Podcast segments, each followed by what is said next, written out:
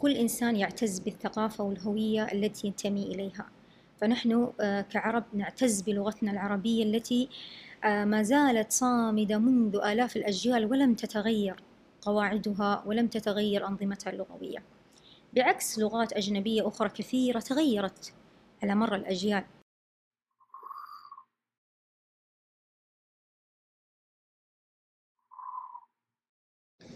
يا هلا والله. أنا سلطان وهذا بودكاست نفع. أحد برامج جمعية نفع الخيرية من إنتاج سماوة لفضاء المحتوى. هذا البودكاست اللي يستضيف أصحاب التجارب والملهمين في تخصصاتهم. واليوم نستضيف الدكتورة سعاد السلمي. حديثنا اليوم عن التفوق الدراسي. ما هو التفوق الدراسي؟ ما هي الطرق المناسبة للتفوق الدراسي؟ وكيف يكون الاختبار وتعاملنا مع الاختبارات؟ وكل هذا إضافة إلى حكايتها مع التفوق الدراسي والأكاديمي. وكل ذلك في هذه الحلقة. فيا هلا والله. طب هو عشان تقليص السوق اللي شخص يحب اللغة العربية إيش حيسوي طيب؟ سيسعى جاهدا إلى خلق فرص أخرى إن شاء الله. زي العمل مرة أخرى العودة إلى السوق مرة أخرى بإذن الله لأن اللغة العربية هي لغة آه، حضارية. مهما تغيرت الأجيال ومهما تغيرت الحضارات تظل اللغة العربية آه، موجودة. وتثبت وجودها بقوة لأن بدون اللغة لن تقوم الحضارة ولن تكون هناك هوية متجددة ومواكبة لتغيرات العصر الموجود. اللغة العربية آه، نحتاجها آه، في آه، سوق العمل نحتاجها في صقل المواهب نحتاجها أيضا في معرفة الأدب وتاريخ الحضارات القديمة. فهي لغة التواصل أيضا مع الآخر. اللغة العربية تعد لغة قوية والآن في مدارس الغربية وفي الجامعات الدول الأخرى يقومون بتدريس اللغة العربية لأنها أصبحت من اللغات الستة العالمية ومن اللغات الحية العالمية. فهي لغة لن تموت بإذن الله عز وجل. بس ليش مربوطة بالحضارة دائما والثقافة اللغة العربية؟ كل ما حيتكلم متخصص يقول لك هي ثقافة أو هي لأن لغة كل إنسان هي ثقافته وهويته. آه، كل إنسان يعتز بالثقافة والهوية التي ينتمي إليها. فنحن آه، كعرب نعتز بلغتنا العربية التي آه، ما زالت صامدة منذ آلاف الأجيال ولم تتغير قواعدها ولم تتغير أنظمتها اللغوية. بعكس لغات أجنبية أخرى كثيرة تغيرت على مر الأجيال. مثال عندنا اللغة الإنجليزية. في السابق لم تكن هي نفس اللغة الآن لغة شكسبير. الآن اللغة الإنجليزية تغيرت كثيرا عن لغة شكسبير آه، القديمة. آه، فاللغة العربية لا لم تتغير أبدا. بالعكس حافظت على نظامها حافظت على هويتها حافظت على قواعدها وأصواتها وحروفها. وهي من الأصوات يعني جهاز النطقي للغة العربية غني جدا بالأصوات. آه، في آه، دراستي في آه، الدكتوراه كانت تقوم على دراسة الأصوات العربية عند المتعلمين الأجانب. يعني عند المتعلمين الأجانب الذين يريدون تعلم اللغة العربية. ما المشكلات الصوتية التي كانوا يواجهونها؟ نقصد بالمشكلات الصوتية هي الأصوات العربية التي يصعب نطقها.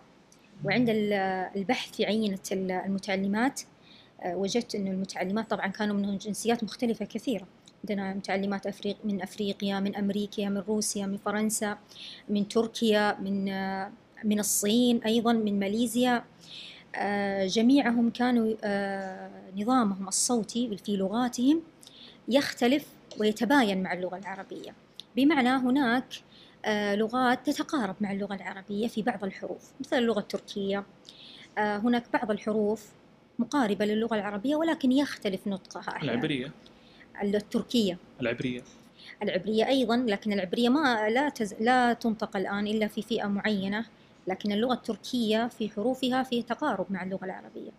لكن لو نظرت إلى اللغة الصينية ستجد اختلاف شاسع جدا ما بين العربية والصينية. فالمتعلم الذي يأتي يتعلم آه، من الصين يتعلم اللغة العربية سيجد صعوبة كبيرة في فهم اللغة العربية في نطق بعض الأصوات. ولكن آه، ما الذي يجعل هذا المتعلم ينجح؟ ويصل يتعلم اللغة العربية وينطقها ويحاول أن ينطقها وقد يصل في مرحلة من مراحل تعليمه إلى إتقان هذا الحرف. ما الذي يدفعه إلى هذا التعلم؟ الحافز الداخلي الذي يدفعه إلى النجاح في تعلم لغة الآخر. فبالتالي اللغة العربية آه، موجودة موجودة في جميع الدول. ومعترف بها في الدول آه، في دول العالم الست العامة هي من الدول الحية. ليش الآن كثير من الشباب يتجه إلى فكرة إنه خلينا اللغة الإنجليزية تصير هي الأولى. اللغة الإنجليزية هي المصدر الأساسي في المعرفة حتى الآن تصبح كثير. وهذه آه، المشكلة التي آه، نحن نواجهها كثيرا في عزوف عزوف المتعلمين عن اللغة العربية وتحولهم إلى تعلم اللغة الإنجليزية والإقبال الشديد على تعلم اللغة الإنجليزية. نحن نشجع التعلم على اللغة الإنجليزية وبالعكس يعني اللغة الإنجليزية آه، لغة موجودة ومعترف بها وأصبحت من اللغات المطلوبة آه، في جميع الوظائف في جميع ولكن لا يعني هذا أن أهمل لغتي لأن اللغة تعني تعد من الثوابت في بناء الحضارات. عندنا اللغة والتعليم آه، من الثوابت في بناء الحضارات. إذا انهدمت اللغة يستطيع أي عدو أن ينتصر عليك لأنك بلا لغة. ليس لديك ما تعتز به. إذا استطاع التعليم أن ين... إذا انهار التعليم يعني يستطاع أيضا العدو أن يتغلب عليك لأنك غير متعلم. فبالتالي لابد أن تحافظ على لغتك ثم تنتقل إلى تعلم اللغة الآخر. لا مانع من تعلم اللغة الإنجليزية.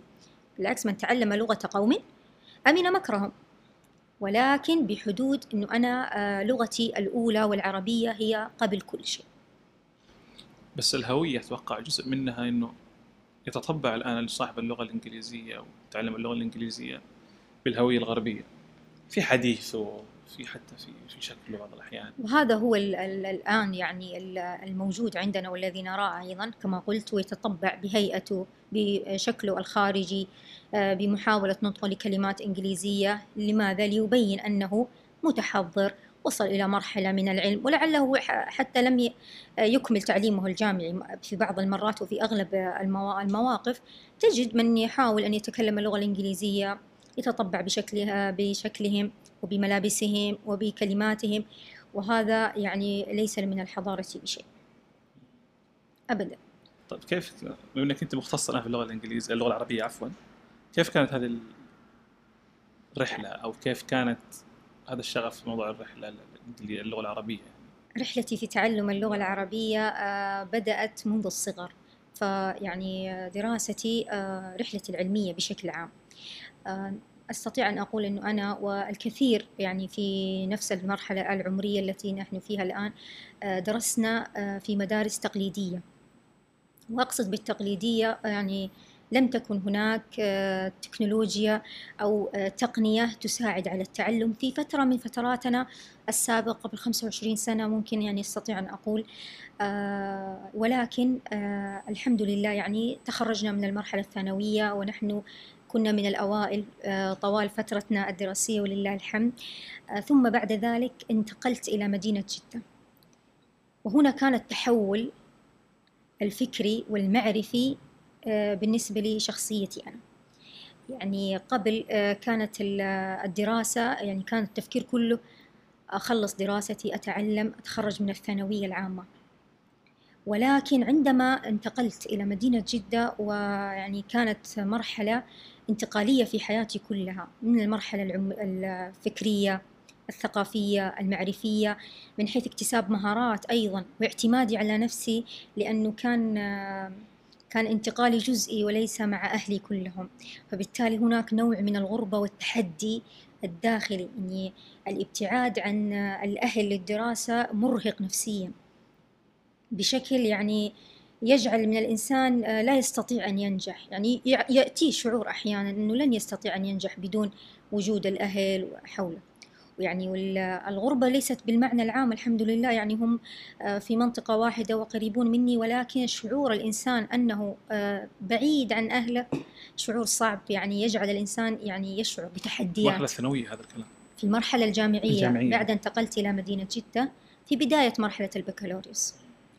ولكن الحمد لله عندما تحول المحنة إلى منحة وتحولها إلى فرصة تستطيع أن تنجح وكيف كانت؟ كانت مرحلة البكالوريوس صراع وتحدي للوصول إلى القمة للوصول إلى مرحلة الدراسات العليا ومع أن تخرجت الحمد لله من مرحلة البكالوريوس بتقدير أقل من الممتاز إلى أن استطعت أن أدخل آه، الماجستير وأتعلم آه، هناك الحمد لله في جامعة الملك عبد العزيز في قسم اللغة العربية. آه، كانت مرحلة الماجستير أيضا مرحلة تثبيت للمعلومات مرحلة اكتساب معارف جديدة آه، البحث عن البحث العلمي والبحث عن المعلومة. آه، أيضا عندنا كانت آه، أستطيع أن أقول لك أنه جميع من كان معي في مرحلة الماجستير كانوا يأتون من مناطق بعيدة يعني ليس يعني جميع من كان معي في مرحلة الماجستير من خارج جدة. فكان هذه نقطة التقاءنا هي الدراسة. فكانوا آه، كلنا كنا نعين بعضنا على آه، التشجيع والتحلي بالصبر حتى نستطيع أن نتخرج من هذه المرحلة آه، بأفضل ما يمكن وليس بس فقط بسلام ولكن بأفضل ما يمكن. والحمد لله يعني تخرجت من مرحلة الماجستير بتقدير ممتاز رغم أنه في مرحلة الماجستير تعرضت لي وعكة صحية قوية جدا يعني حرمت يعني من آه، الذهاب إلى الجامعة فترة ولكن استمررت بالحضور آه، يعني بالتواصل. والبحث العلمي ويعني استدراك مفاتني في فترة الانقطاع. والحمد لله لم تؤثر هذه المرحلة على درجات أو على تفوق وخرجنا من هذه المرحلة بتفوق والحمد لله. ثم بعد ذلك بدأنا الاستعداد لمرحلة الدكتوراه. والاستعداد لمرحلة الدكتوراه يختلف تماما شعوره عن مرحلة الماجستير. آه، من ناحية الشعور بالمعرفة. في مرحلة الماجستير آه، تشعر وكأنك آه، بدأت أول سلم من سلم التفوق. وتنظر إلى من حولك تجدهم كلهم أكثر علما وأكثر نضجا من ناحية الدكتور الدكتورة الأشخاص الذين يقومون بتقديم المعلومات لك. كلهم أشخاص يعني الحمد لله نعتبرهم قدوة لنا. فتشعر وكأنك في مرحلة الماجستير في بداية التعلم رغم أنه أنت مررنا بمرحلة البكالوريوس لكن ليست كمرحلة الماجستير. عندما تبدأ دراسات العليا تبدأ مرحلة العلم والبحث عن المعرفة كله يعتمد عليك أنت. واللي قبل؟ اللي قبل آه، محاضرات بحوث واجبات آه، كتاب منهج معين. في مرحلة الماجستير هناك منهج ولكن المعلومة تعتمد كليا يعني على الطالب كيف يبحث عن المعلومة. كيف يأتي بالمعلومة؟ أو أنت تصنع المعلومة ممكن تكون. أنت تبحث عنها من مصادر التعلم وتبدأ أنت بصنع هذه الأفكار وصياغتها وتعديل المعلومات. أنت تصنع نفسك الآن. فبداية مرحلة الماجستير بداية صناعة الإنسان ثم بعد ذلك في مرحلة الدكتوراه مرحلة النضج والاكتمال الفكرة اكتمال آه، اكتمال المعرفة. رغم أنه الحمد لله الإنسان مهما وصل إليه من علم يظل يحتاج إلى أن يتعلم.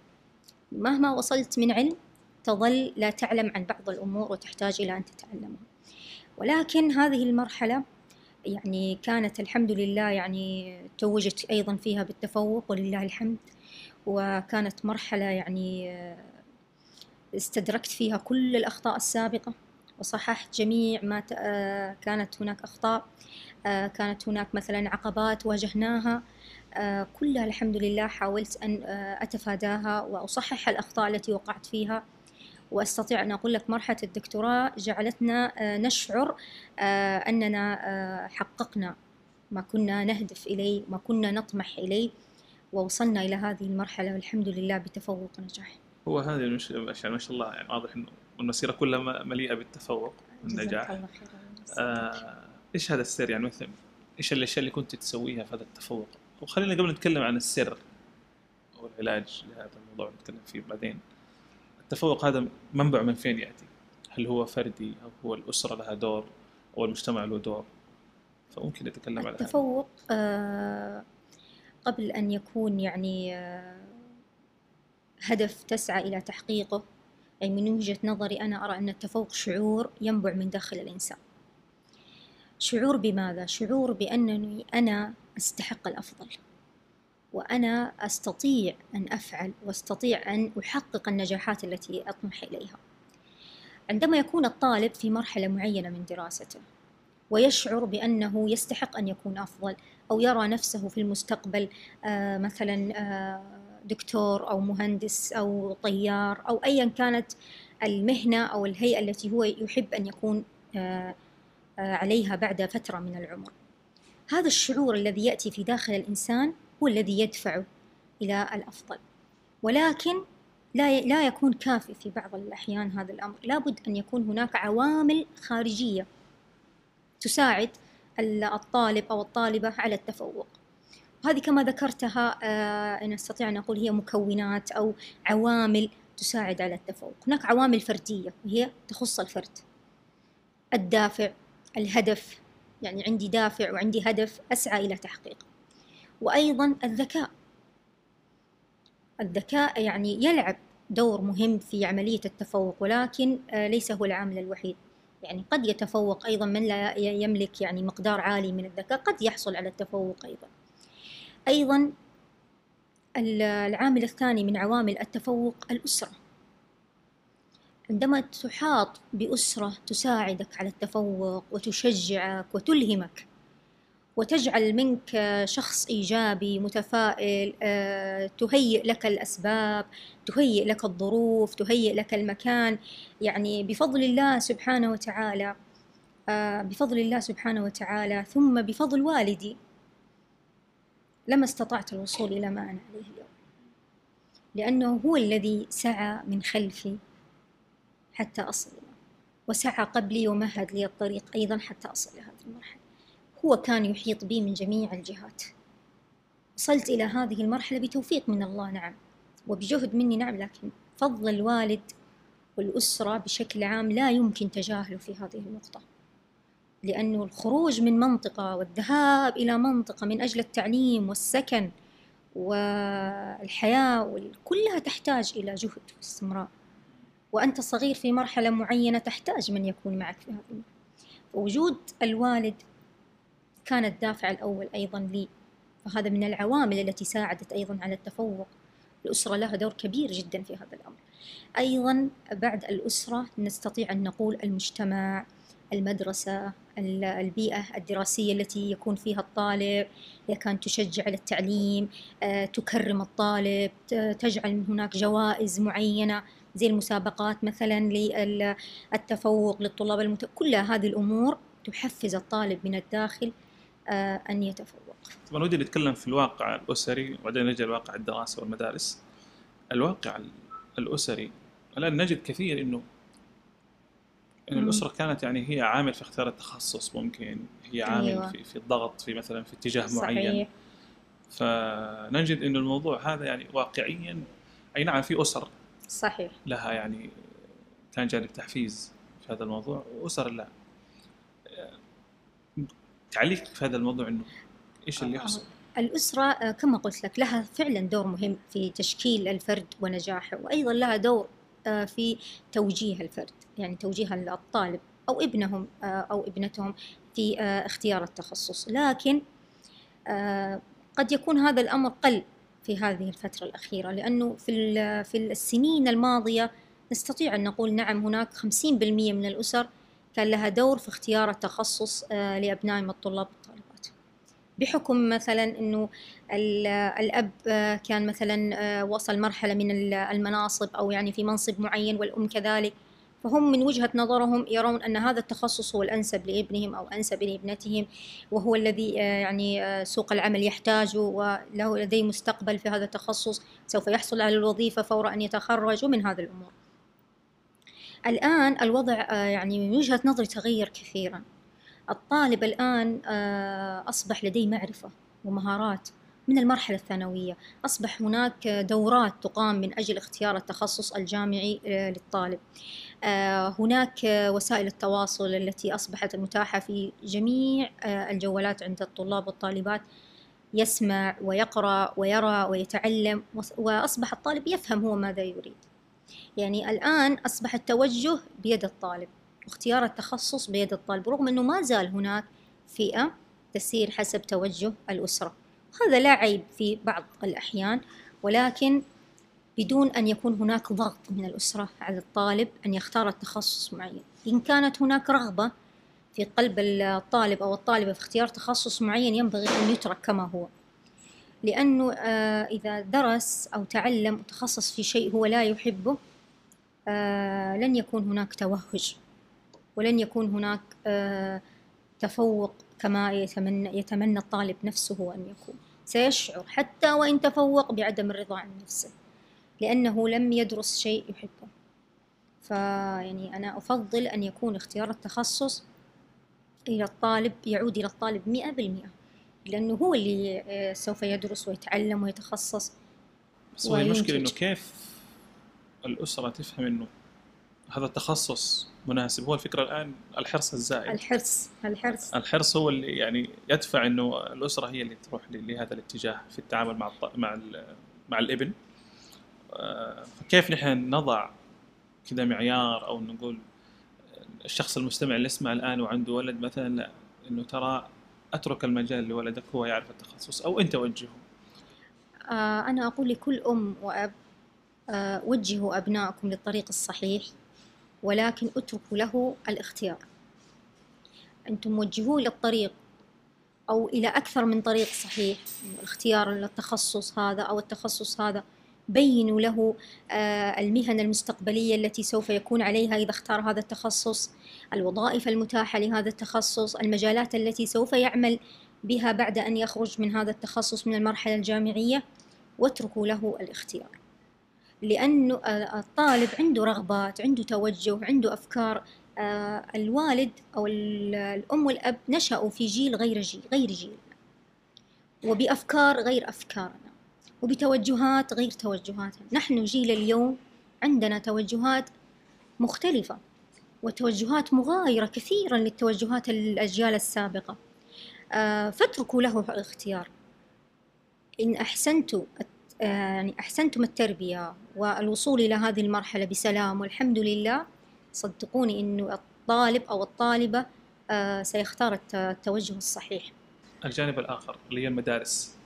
بيئة المدرسة. بيئة المدارس. هل البيئة المد... بيئة المدارس تساعد على هذا الموضوع؟ أكيد تساعد على هذا الموضوع وتؤهل أحيانا. واقعيا.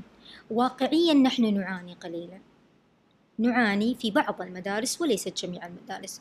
بالعكس يعني إحنا في ظل التوجه الجديد والرؤية آه، توجد مدارس آه، رائعة وعندها توجهات ومحافظة على أبنائها الطلبة والطالبات وتوجههم وأيضا تقيم لهم دورات في اختيار التخصص الجامعي. الآن بعد كمان آه، نظام المسارات نظام المقررات يعني أشعر أنا يعني أنه هناك توجه من المدارس في فهم الطلبة واحتواء الطلبة أكثر من الفترات السابقة أو السنين السابقة. آه، لأنه التوجه الجديد والرؤية الجديدة تسعى إلى ماذا؟ لاحتواء الطالب. لأن الطالب هو محور العملية التعليمية بكل هو المحور. إذا نجح الطالب وتفوق الطالب سوف نحكم على آه، منظومة العملية التعليمية بالنجاح. لأنه آه، الجهود التي تبذلها المؤسسات التعليمية والمعلمين والمعلمات في تدريس الطلاب ما الفائدة منها؟ هو أن نخرج بطلبة متفوقين آه، حصلوا على ما يريدون وأهلناهم إلى المرحلة الجامعية بسلام وأن يتفوقوا ويصبحوا طلاب متفوقين أو موهوبين إن لم نحصل على هذا التفوق بالتالي إحنا عندنا مشكلة في العملية التعليمية أنا أتوقع أنه هذا اللي موجود الآن يعني الطالب يخرج المرحلة الثانوية مثلا ما يعرف تخصصه أو يتفاجأ أنه المرحلة الجامعية غير المرحلة الثانوية صحيح صحيح صحيح. آه ولكن أنا آه يعني عندي يعني وجهة نظر إنه خصوصا في هذه الفترة الأخيرة. آه يعني قبل فترة يعني حصل قرارات في التعليم ومنها إنه الطالب يستطيع أن يدرس الطالب المتفوق يستطيع أن يدرس مواد آه جامعية أو يرتقي ويخلص يعني بعض المواد من الجامعة. ولكن لا أعلم عن صحة هذا القرار صراحة. أيه. أنا سمعت عن هذا القرار أيوه. أيضا الطالب المتفوق آه، في الجامعة يستطيع أن ينهي آه، سنواته الجامعية في أقل من من أربع سنوات. الطالب المتفوق. هذه مميزات. كيف كيف الآلية؟ هل في عندك شرح لها؟ آه، هذه آلية جديدة يعني أنا لا أعلم عن شرحها صراحة. هي آلية جديدة وهي من آه، من بدأت من تعليم آه، حاليا هذه السنة. أنه أي طالب آه، جامعي متفوق يستطيع أن ينهي مسيرته التعليمية في أقل من أربع سنوات. المتفوق فقط. وهذه ميزة يحصل عليها الطلاب المتفوقين القادمين الآن من المرحلة الثانوية وسنراها إن شاء الله قريبا في آه، الجامعات. طب نكمل فكرة إنه هل المدرسة أو المعلمين يساعدوا لهذا الموضوع إنه يخرج الطالب فاهم تخصصه؟ نعم. أو يخرج إنه ممكن آه، دور المعلم يكمن في ماذا؟ أولا دور المعلم يكمن في احتواء الطالب من عدة آه، نواحي. الناحية الأولى المادة العلمية. إحنا نتكلم الآن لو تكلمنا عن المرحلة الثانوية. في المادة العلمية آه، إيصال المعلومة بطريقة صحيحة التنوع في استراتيجيات التعليم آه، فهم أنماط المتعلمين الذين آه، يتعلمون معه حتى يستطيع المعلم أن يتدارك لو كان هناك مشكلة في أحد آه، عند أحد الطلاب أو يعاني من مشكلة تعليمية معينة يستطيع أن يجد لها حلا ألا يجد لها حل. أيضا الناحية الأخرى فهم الطالب. بعض الطلاب عندهم نسبة ذكاء عالية جدا. مقارنة بأقرانهم في نفس الفصل الدراسي. فبالتالي هذا الطالب لابد أن يعامل أيضا معاملة يعني آه، آه، لا ما نقول استثنائية ولكن آه، نقدر هذا الذكاء الذي يتمتع به.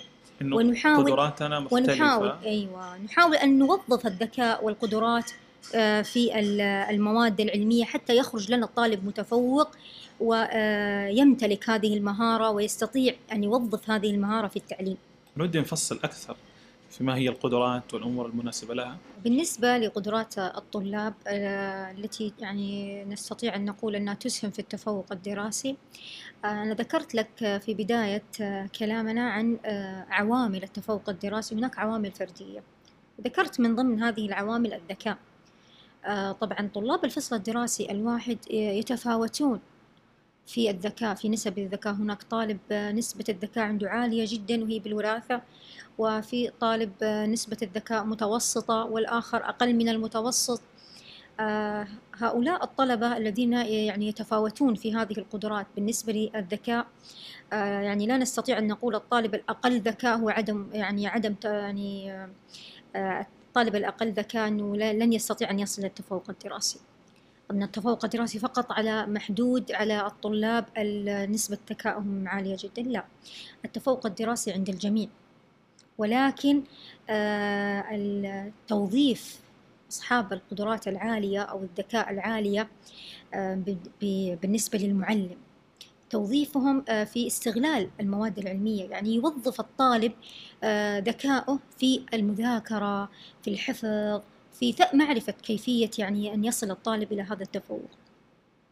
لا أن يهمل الطالب آه، فقط يلقن المادة العلمية ثم يهمل باقي يعني باقي القدرات لا يعني لا تسهم في ذلك. لأنه هذا الأمر يعني يجعل الطالب متفوق دراسيا آه، الأقل ذكاء. والأعلى ذكاء لا يتفوق دراسيا. في بعض المرات. لماذا؟ لأنه هذا الذكاء عالي آه، لم يوظف. ذكاؤه في التفوق الدراسي. ممكن يو- يوظف ذكاؤه في أمور أخرى في التفوق المالي في التفوق التجاري سأتكلم عنها لاحقا آه، إن شاء الله.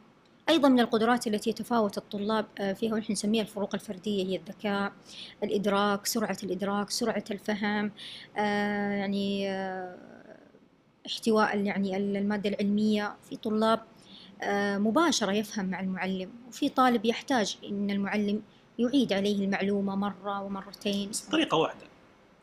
الطريقة الواحدة اللي إحنا نسميها طريقة واحدة في التعلم آه، ليست ناجحة في كل الم- المواد. بس هذا اللي حاصل.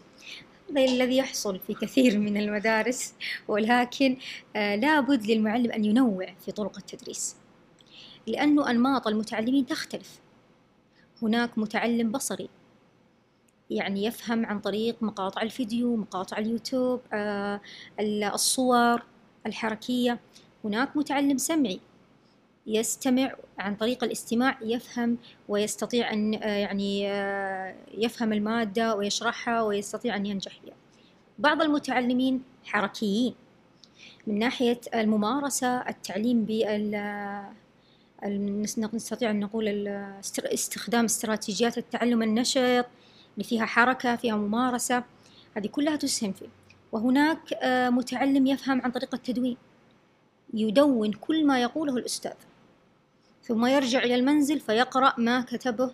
ومن ذلك يستطيع أن يفهم المادة العلمية. هذا التنوع الموجود بين الطلاب يعني ينبغي على المعلم أن يكون عنده يعني فهم وإدراك واحتواء لهذه الأنماط كذا أنا باخذ قبعة المعلم شوية.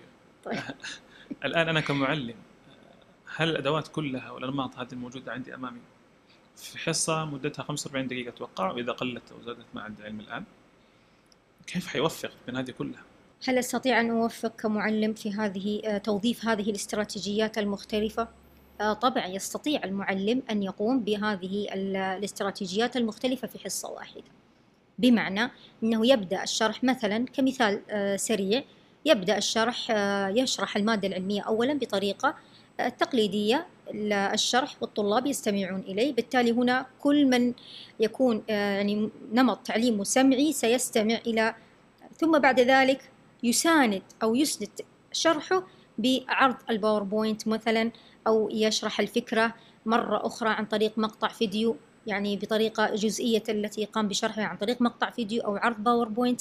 بالتالي هنا وفق ما بين التعليم السمعي والبصري. ثم يأتي بعد ذلك إلى تطبيق ما تم شرحه أو إعادة ما شرحه بطريقة مثلا بطريقة مسابقة بين الطلاب آه، استخدام مثلا تقسيم الطلاب إلى مجموعات عمل أسئلة ومسابقة بينهم في المادة العلمية التي تم شرحها.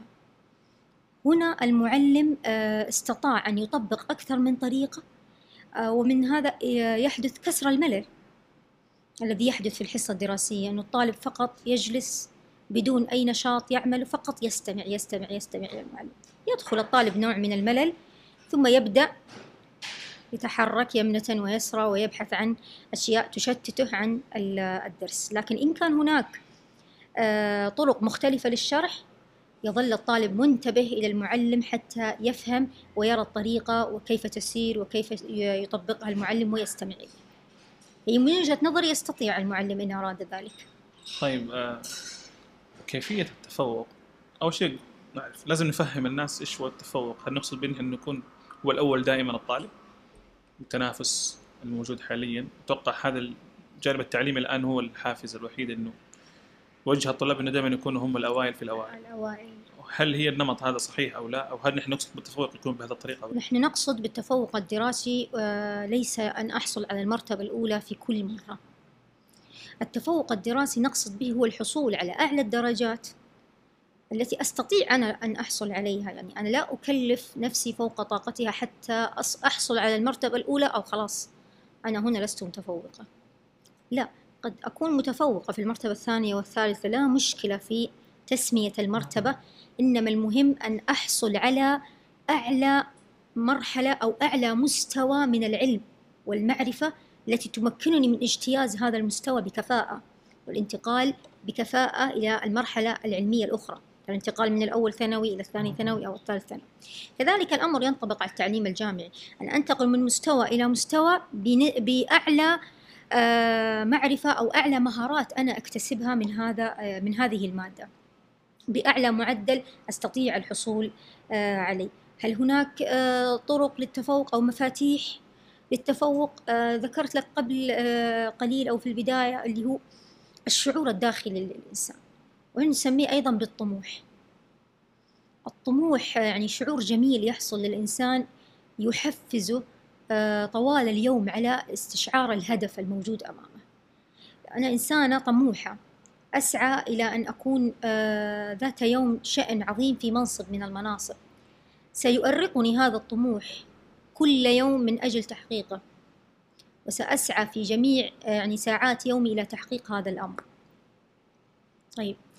الطموح آه، آه، عندما أحق أسعى وأضع أهدافي وأضع أولوياتي وأسعى إلى تحقيقها سأصل في يوم من الأيام إلى ما أريد. في يعني مقولة قرأتها يقول إذا لم تست... إذا كان هدفك عظيم جدا ولا تستطيع أن تحققه مرة واحدة فقسم الهدف العظيم إلى أهداف عظيمة صغيرة ثم حققها. بمعنى أنه أنا عندي هدف كبير كيف أصل إليه؟ أبدأ بوضع الخطة حتى أصل إليه بتقسيمها إلى أجزاء صغيرة. بعيدا عن الخطوات اللي بعدها نتكلم عن الطموح. أفهم الطموح إذا كان في المرحله الجامعية. إنه الطالب يكون أو في المرحله الثانوية. ممكن. بس ما مرحله قبل. كيف ح... كيف حنمي في الطفل أو في المرحلة المتوسطة والابتدائية أقول لهم الطموح؟ لازم يكون عندك دافع. نحفز في المرحلة الابتدائية إذا كان مفهوم الطموح كبير عليهم بوضع هدف لهم في المستقبل. ماذا تريد أن تصبح إذا صرت كبيرا؟ الطفل يريد أن يصبح طيار مثلا يريد أن يصبح مهندس. طيب أنا أوظف هذه المحبة الداخلية للمهندس وأبدأ آه، أمهد الطريق أمامه. أحضر له أمثلة عن مهندسين الآن موجودين. آه، كيف كيف يقضون يومهم؟ كيف يعني وصلوا إلى ما وصلوا إليه؟ عن طريق القصص. المرحلة الابتدائية القصص مقاطع الفيديو محفزة كبير لهم. مرة جدا هذا مقاطع الفيديو. لماذا؟ لأن الطفل الآن في هذه الفترة بحكم أن الجوال أصبح في متناول أيديهم أصبحوا يفهمون أكثر من مقاطع الفيديو أكثر من أن تحدثهم. فلو أتيت له بمقطع فيديو يحكي قصة طفل آه، اجتهد وحاول أن يصل إلى أن يصبح مثلا مهندس ووصل ستجد هذا الطفل يضع هذا المهندس قدوة له. وعندنا أيضا أطفال كثير يضعون مثلا آه، آه، لاعبين قدوة لهم. طفل من هو صغير هو يقلد لاعب مشهور أو لاعب معين. لماذا؟ لأنه يحبه. فنحن عندما يحب هذا الطفل هذا اللاعب نبدأ نحضر له قميصه آه، نشعره أنه صور مقاطع فيديو هو يحبه. لو هو حب آه، أن يكون مهندس آه، احضر له شخصية مشهورة ناجحة في مجتمعي شخصية يحتذى بها ويقتدى بها من المهندسين وأضعها أمامه. وأفضل أذكر أذكر بها وأحكي عن قصصه عن إنجازاته. يعني قديما كان فعلا آه، صعب التواصل الأطفال. لكن الآن الأطفال يعني أصبحوا متفتحين وعندهم ما شاء الله من إمكانيات عالية جدا. فما نستهين في الطفل في المرحلة الابتدائية أبدا لأنه عنده طموح وعنده هدف. فقط يحتاج منا أن نفهم الطريقة التي ندخل فيها إلى قلبه. حتى نستطيع أن ننمي هذه البذرة الصغيرة حتى تكبر وتصبح شجرة في يوم من الأيام بإذن الله. نكمل نكمل مفاتيح النجاح وأول تكلمنا عن آه، الطموح. آه، ذكرني الطموح بمقولة لعمر بن عبد العزيز أمير المؤمنين يقول أن آه، إن لي نفسا تواقة. تاقت إلى الأمارة فنلتها. تاقت إلى الخلافة فنلتها. والآن تتوق نفسي إلى الجنة فأرجو أن أكون من أهلها. والله يجعلنا جميعا من أهلها إن شاء الله. ف عمر بن عبد العزيز عندما تاقت نفسه إلى شيء معين سعى إلى تحقيقه فحققه. فأنت عندما تسعى ولا تتوق نفسك إلى أمر معين ستجد وتسخر كافة السبل إلى تحقيق هذا الأمر.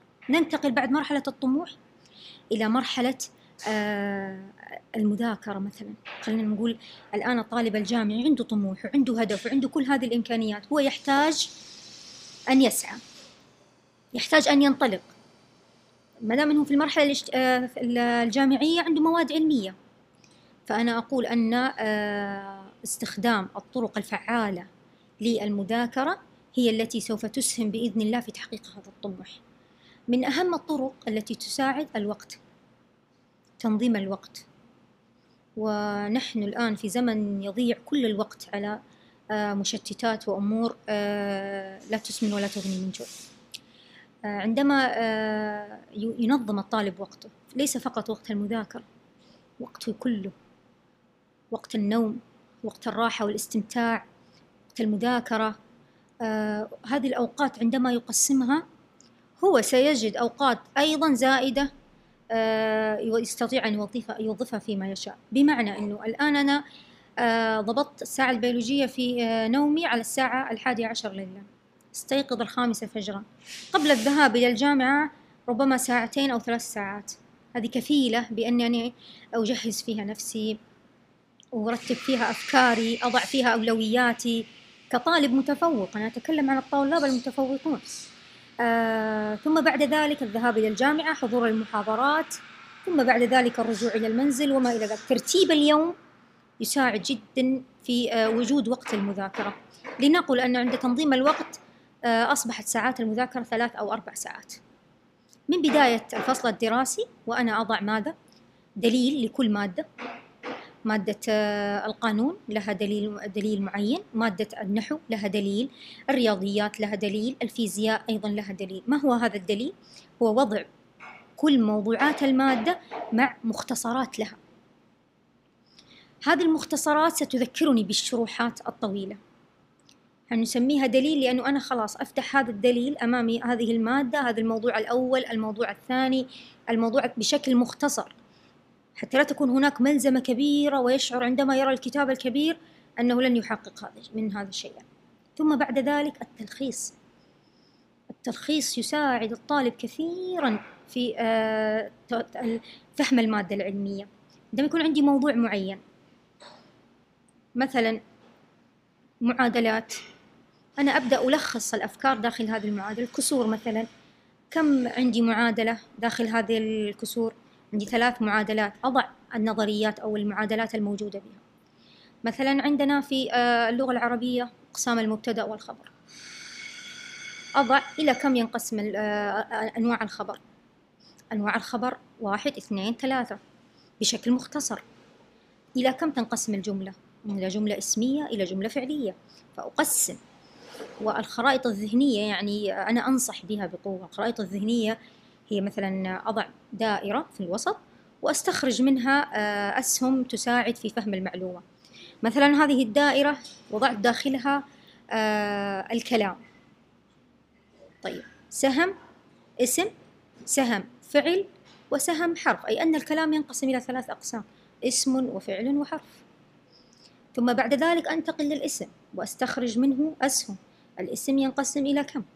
أتي عند الفعل ينقسم الفعل إلى فعل ماضي فعل مضارع فعل أمر فبالتالي أنا عندما أنظر إلى الخارطة الذهنية سوف أدرك المجمل العام لهذه المادة هذا بالنسبة إلى التلخيص طيب الآن أنا لخصت وعملت كل هذه الأمور متى أبدأ بالمذاكرة؟ هل قبل الاختبارات؟ هل مع الاختبارات؟ هل قبل كل اختبار أذاكر مادة وخلاص؟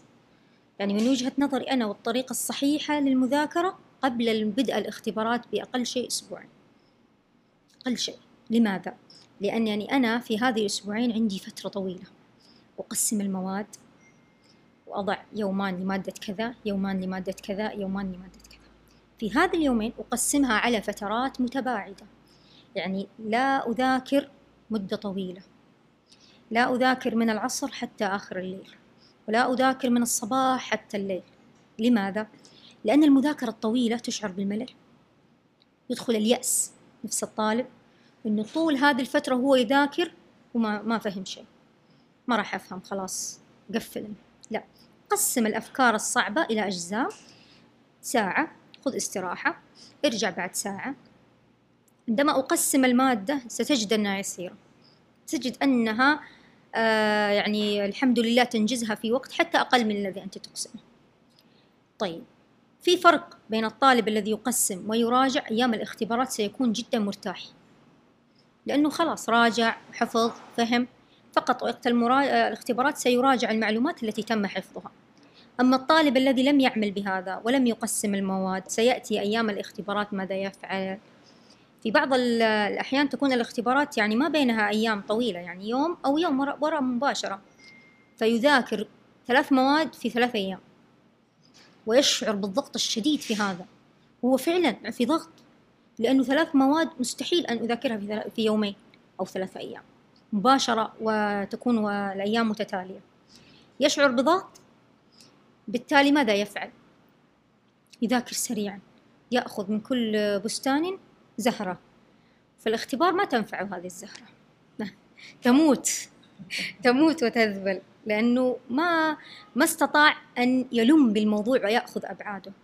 فالاستعداد الجيد للاختبار الاستعداد الجيد للمذاكرة هذا ينعكس كثيرا على نفسية الطالب وعلى مخرجاته في نهاية الفصل الدراسي. آه أيضا آه في النصائح التي يعني يتبعها الطالب في داخل القاعة الدراسية. أولا حضور مبكر. آه، احترام الأستاذ. آه، كتابة ما يقول الأستاذ. مناقشة الأستاذ. المناقشة جدا رائعة لأنها تثري عقل الطالب وتفتح عقل الطالب ويستطيع الطالب آه، لعل هذه الفكرة التي ناقشها لن يذاكرها مرة أخرى لأنها خلاص رسخت في باله وفهمها فما يحتاج أن يذاكرها مرة أخرى. بالتالي هو وفر على نفسه جهد وفر على نفسه وقت واستطاع أن يصل إلى ما يصل إليه من تفوق من الترتيب والنظام الذي اتبعه. نقطة مهمة جدا في آه، المذاكرة الفعالة أو طرق المذاكرة هي الابتعاد عن المشتتات. والمشتتات في حياتنا كثير. في فترتنا هذه الحالية مشتتات كثيرة. أول المشتتات الجوال. الجوال الجوال آه، يجيك آه، طالب يقول لك الجوال فيه برامج تساعدني على المذاكرة في وفي وفي وفي. طيب إذا كنت تحتاج الجوال فعلا للمذاكرة اعمل توقيت لنفسك إنه هذا الوقت آه، أنا لن أفتح أي برامج أخرى سوى برامج المذاكرة. أقفل الإشعارات وأقفل الاتصال وأجعل فقط الجوال متاح ومفتوح لهذا البرنامج الذي أذاكر. منه إذا لا لم أحتاجه أنا أقفل الجوال وأبتعد عنه قدر المستطاع. وجرب أن تبتعد عن جوالك في اليوم ثلاث أو أربع ساعات. ستشعر بوقت كبير. تشعر بوقت فراغ. يعني تقول من أين لي هذا الفراغ؟ أنت مشغول قبل. مشغول في متابعة وسائل التواصل آه، متابعة الأخبار متابعة المقاطع آه، ألهتني كل هذه الأمور عن السبب الحقيقي الذي أنا موجود. يعني الجوال آه، موجود. آه، الأخبار موجودة وسائل التواصل موجودة كلها موجودة. أنت فقط اعمل حتى بس بعد ذلك في المستقبل تستطيع أن تجلس براحتك على مواقع التواصل الاجتماعي وتستمع وتتفرج مثل آه، ما تريد. فالجوال نقطة مهمة جدا وهي مسبب أساسي للتشتت. أيضا من المشتتات اختيار الأصدقاء الغير مناسبين. عندما أختار صديقي فهو يشبهني في كل شيء. الصديق الصدوق يعني الصالح هو الذي يأخذ بي نحو النجاح. وفي حديث عن الرسول صلى الله عليه وسلم يصف فيه الجليس الصالح والجليس السوء كحامل المسك ونافخ الكير. إما أن يعديك وإما أن تجد منه ريحا. طيبة معنى الحديث أنه لابد هذا الصديق أن يعديك. لابد فاختر أصدقائك بعناية. لأن الصديق الصالح أو الصديق الناجح الذي يحفزك أيضا على المذاكرة. حيقول يلا نذاكر سوا الآن نبتعد للمذاكرة ونرى من يذاكر أكثر من يفهم أكثر متى ننجز. لكن الصديق الذي يعني آه، ليس في هذا الجانب سوف يقول لك نتمشى وبعدين نلحق. ومن هذه الأمور التي يشعر الإنسان بعدين إنه صح أنا فعلا بلحق الاختبارات قدام بعدين وبعدين. ثم يأتي بعدين ويبدأ الضغط الشديد وتبدأ هذه الأمور. فهذه من وجهة نظري أيضا من المشتتات آه يعني الصديق من المشتتات ومن المحفزات. كما تختاره أنت سيكون في المكان المناسب بإذن الله. طيب حديثنا عن التفوق أتوقع إلى هذا الجزء انتهى. آه إن شاء الله تقريبا. بس في الحياة العملية نجد أن الموضوع مختلف تماما. أيوه. okay. نجد أنه أصحاب التفوق okay؟ هم اللي اشتغلوا تحت اللي هم أقل دراسة okay؟ يعني نقدر نقول اللي هم الاغنياء ورؤوس الأموال تحت من هم تحت التفوق الدراسي نقدر نسميهم. ليش هذا التفاوت موجود في الحياة الواقعية نقدر نقول؟ إنه الواقع إنه لا. أنا قبل قليل ذكرت لك أن التفوق آه، في بعض المرات آه، ما يكون فقط في التفوق الدراسي. في ذكاء يفوق التفوق الدراسي ويصل إلى التفوق المالي. فعقل الطالب هنا أو عقل الإنسان هذا يفكر في التجارة وينجح في التجارة أكثر من الدراسة. بالتالي ممكن يكون إنسان ناجح ماليا وهذا لا عيب في ذلك. بالعكس ما الذي يجمع ما بين التفوق الدراسي أو تفوق مالي أو التفوق في التجارة؟ هو التخطيط. هذا الذي تفوق من الناحية المالية وأصبح ثري ولم يتفوق من الناحية الدراسية وهذا تفوق من الناحية الدراسية. جمع بينهم أمر وهو التخطيط. هذا خطط للنجاح في الدراسة وتفوق فيها والآخر حقق هذا النجاح. ولكن آه يعني أقدر آه، أقول لك إنه أي إنسان تفوق من الناحية الدراسية قادر أن يتفوق من الناحية المالية. بس مش موجود بالطريقة موجود موجود وموجود قصص نجاح كثيرة يعني في عندنا في السعودية يعني تفوقوا. آه نستطيع يعني قلنا أغنياء أثرياء العالم ولكنهم نجحوا وتفوقوا ووصلوا إلى مناصب آه يعني آه عالية عندنا يعني في السعودية.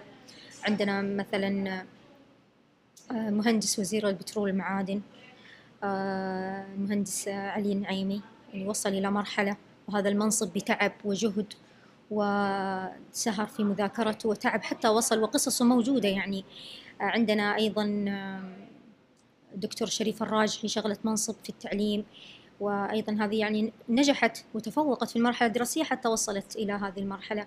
يعني إحنا في التفوق الدراسي نريد أن نستذكر قصص صعب أوصف أضع كل المتفوقين أوكي آه، في في موضوع بس الوزارات. لا طبعا. آه، ليس في مجال الوزارات مجال ريادة الأعمال بشكل عام. إحنا عندنا آه، خالد الخضير أسس تمكين المرأة.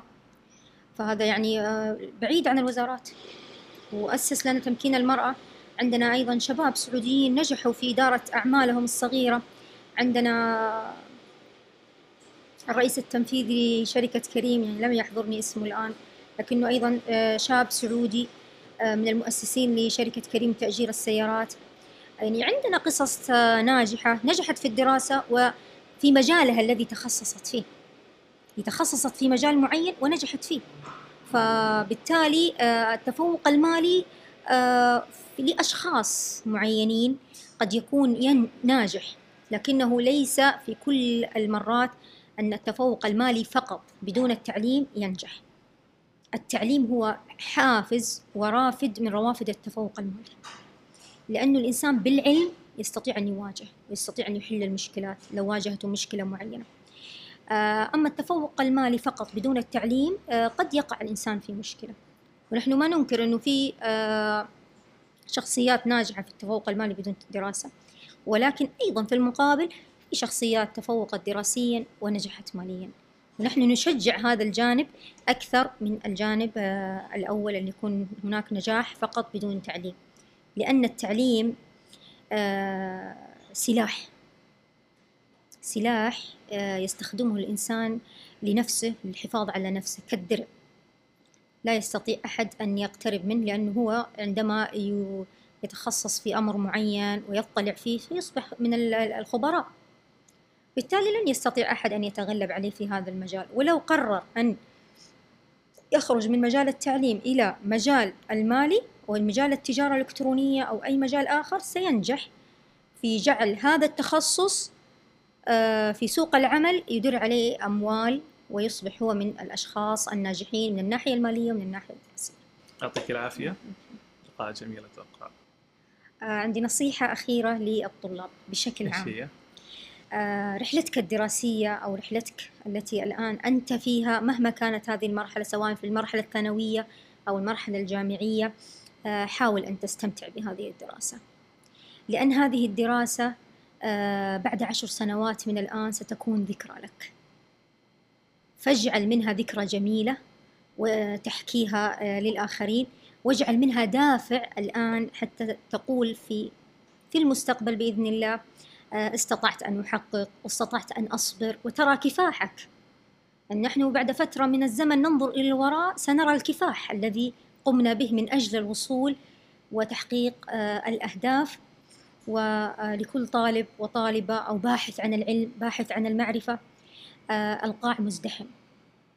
فاجعل لنفسك مكان في الأعلى حتى تكون من المتفوقين. يعطيك العافية. عافيك شكرا لكم. سعيدة بهذه الفرصة.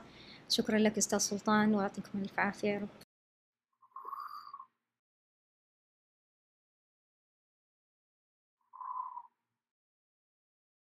سماوة سعة لكل صوت.